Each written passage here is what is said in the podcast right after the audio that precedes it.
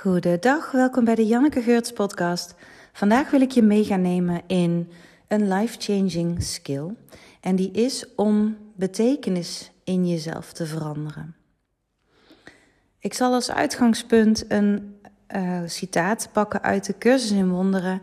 En dat is: De wereld die ik zie is betekenisloos. Ik zie een betekenisloze wereld. En wat de cursus in wonderen daarmee bedoelt, is dat wij met ons ego zelf betekenis projecteren op de wereld. En dat dat niet de werkelijke betekenis is van de wereld. Zo kan ik een kopje lelijk vinden en jij een kopje mooi. En als twee tegengestelden allebei waar kunnen zijn, kunnen ze eigenlijk allebei niet waar zijn. Is dat niet de inherente waarheid over dat kopje? En zo lopen wij, alle miljoenen mensen hier op aarde, rond met een andere betekenis over dat kopje. Op zich zit daar nog geen probleem. Het wordt pas lastig of belemmerend wanneer wij geloven dat wat wij denken en geloven de waarheid is. Dat onze betekenis waar is. En nu denk je misschien, Janneke, ik luister al wat langer naar jou. Ik ben een bewustzijnswerker. Ik geef geen verkeerde betekenissen. Ik weet dat wat ik denk niet waar is. Als dat zo was, dan zou jij uh, eh, 100% van de tijd in volmaakte vrede zijn. Want de enige werkelijkheid is hier en nu.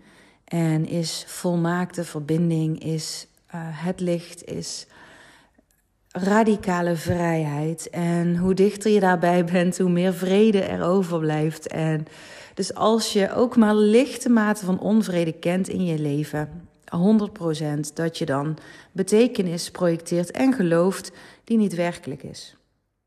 En dat is fantastisch, want daar ligt dus ruimte voor bevrijding, voor groei, voor verlichting. Laat ik het praktisch maken.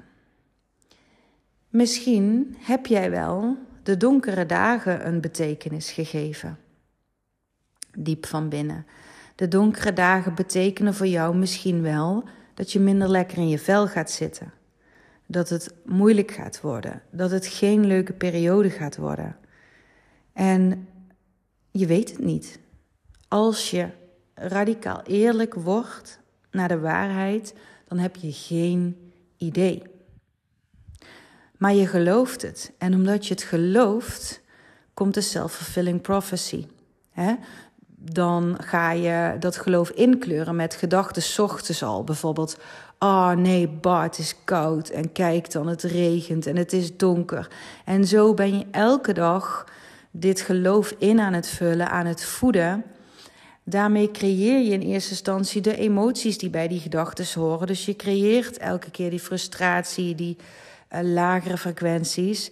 En al met al stapelt het zich op totdat je op een punt komt dat je denkt: en nou word ik gek van die donkere dagen. Ik moet eruit. Het moet nu voorbij zijn. Ik ben er klaar mee. Dus als je dit realiseert, dan kun je ten eerste kijken van: hey, die betekenisgeving, kan ik die veranderen? En vervolgens kun je bijvoorbeeld alert gaan zijn op hoe jij die betekenis invult van dag tot dag. En dit is dus ook radicale verantwoordelijkheid pakken over je eigen lot. de ene, uh, aan de ene kant staan is zeggen: ja, het komt door de donkere dagen. Door de donkere dagen voel ik me zus en zo. En eigenaarschap pakken, verantwoordelijkheid pakken, is zien: ik geef betekenis. Ik projecteer betekenis met mijn denkgeest. En dat doe ik zo krachtig. Mijn geloof heeft zoveel effect en kracht dat ik deze lagere frequenties uh, creëer. Ja, en daar ligt dus je macht. Hoe fantastisch dat je die hebt. Nog een ander voorbeeld. Een klant van mij noemde laatst um, dingen die echt heel mooi zijn daar geloof ik van dat die niet voor mij weggelegd zijn. Dus dat echt grotere succes, of die fantastische liefde, of die, uh, dat, dat droomhuis, weet je, die dingen, daar geloof ik echt van. Het echte moois, dat is te mooi en waar te zijn voor mij. En die raakte me wel, omdat ik die ken. Elf jaar geleden kwam ik met die uitspraak namelijk als een soort levensmotto, mantra bij mijn coach. Ik zei alles wat mooi is, is te mooi om waar te zijn. Want als ik dan geniet van het een, dan stort het ander wel in. Dat was mijn ervaring. Maar wat ik niet in de gaten had, was dat dit een denkpatroon was van mij, waardoor ik door dat te geloven ook bewijzen zag voor dat denkpatroon. Dus het is niet zo dat het waar is over het leven. De wereld die ik zie is betekenisloos. Um, ik zie een betekenisloze wereld. Dit is niet de betekenis die er werkelijk is. Die heb ik gegeven en dan zie ik vervolgens zie ik, uh, voorbeelden daarvan, bewijzen daarvan. En uh, je hebt zelf niet in de gaten per se altijd dat je door die bril kijkt. Dus je gaat gewoon denken, ja, zo werkt het leven. Maar zo werkt het leven niet, zo is jouw denkpatroon. Dus vanuit alles is te mooi om waar te zijn voor mij, zie ik, ja, ik mag niet door na die belangrijke auditie. Ik mag niet door. En andere meisjes die uit een heel fijn gezin komen, waarin ze gesteund worden en die ook nog net wat knapper zijn, die mogen wel door. Zie je wel? Ik niet. Die ene partner die ik zo graag had gewild, die wijst mij af en die kiest voor die andere vrouw die net wat knapper, net wat leuker is. Zie je wel? Ik niet. Overal de bewijzen. Nou ga ik een andere bril opzetten zodat je met me mee kan kijken door een andere bril naar dezelfde situatie. Ik ga naar die auditie en dat pad is helemaal niet mijn pad. Dat past helemaal niet werkelijk bij mij. Dat ik niet door mag in die auditie is een godsgeschenk.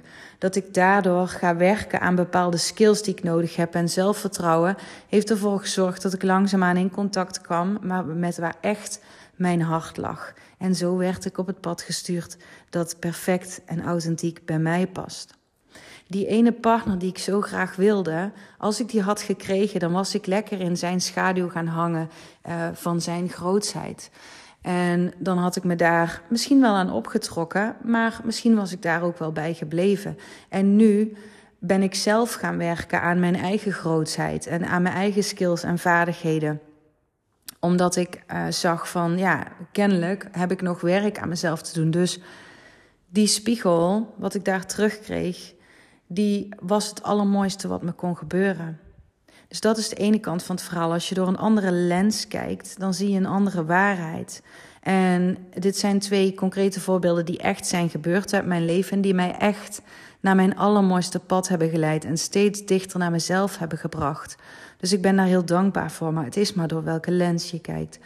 Vervolgens heb je nog de andere kant van het verhaal, namelijk doordat je door dat denkpatroon naar de wereld kijkt van die allermooiste dingen zijn niet voor mij weggelegd, zie je niet dat jij twee gezonde benen hebt, waar sommige mensen er geen één hebben. Een gezond lichaam. Dat je überhaupt zo oud hebt mogen worden als je hebt mogen worden. Sommige mensen uh, mogen maar een embryo worden. Sommige mensen mogen maar één jaar worden, of vijf jaar, of tien, enzovoort.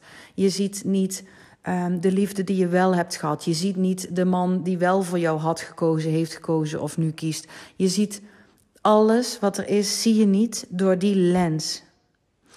En het plaatst je in slachtofferschap, het plaatst je in um, hulpeloosheid, het plaatst je in een gevoel van benadeeld zijn.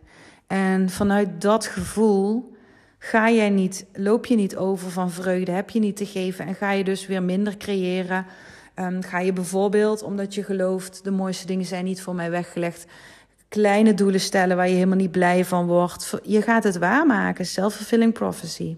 Zie je wel, voor mij is het niet weggelegd.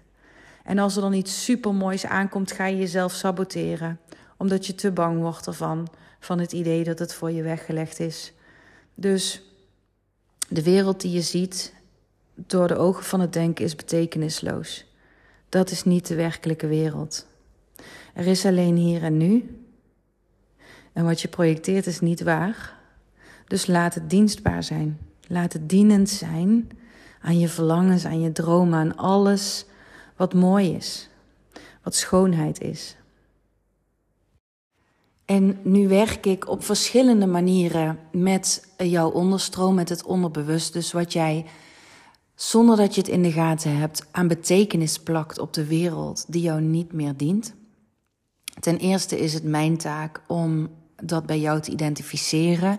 En als je tegen me begint te praten en gaat vertellen over de patronen of dingen waar je tegenaan loopt, dan zie ik al wat er gebeurt en wat jij denkt en gelooft. En dan heb ik verschillende methoden om te zorgen dat jij die betekenis gaat doorzien en op diep niveau los gaat laten, gaat herschrijven. En mocht dit nou iets zijn waar jij behoefte aan hebt, dan heb ik een nieuw programma. Want ik heb een jaarprogramma die echt is voor ondernemers die willen bouwen en groeien en die op hun eigen authentieke manier vrijuit willen ondernemen en winstgevend willen zijn, natuurlijk. Hè. Maar daarnaast heb ik dus nu een drie maanden programma waarbij we gaan kijken naar de splinters die, waar jij mee rondloopt. En ik heb die van Kim de Graven waar ik mee werk. Die zei, jij bent gewoon een splintertrekker. De diep gewortelde shit waar je last van hebt. Hè? Iets wat gewoon zit te zeuren, iets wat je continu tegenkomt. Een gevoel over jezelf of, of um, een bepaalde grootste stap die je toch steeds niet zet. En je weet niet precies waarom je dat nou eigenlijk niet doet. Want rationeel snap je wel dat je het kan zetten. Dus die stukjes in jezelf waar je niet bij komt, daar is dat programma voor.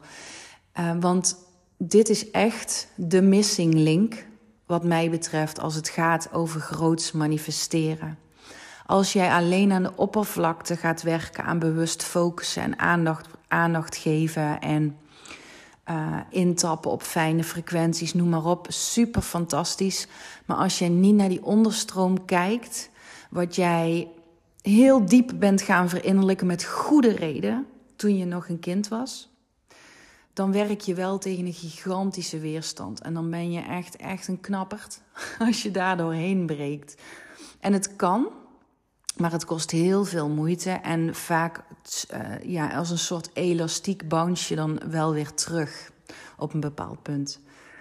Dus nou goed, mocht je je aangesproken voelen, weet me te vinden op Instagram en daar kun je me vragen stellen en dan kunnen we een matchcall plannen eventueel om te kijken of jouw vragen passen. Uh, of waar jij nu staat past bij mij, et cetera. En dan voor nu uh, hoop ik dat deze podcast dienend is aan jouw proces. En dan uh, tot de volgende. Bye bye.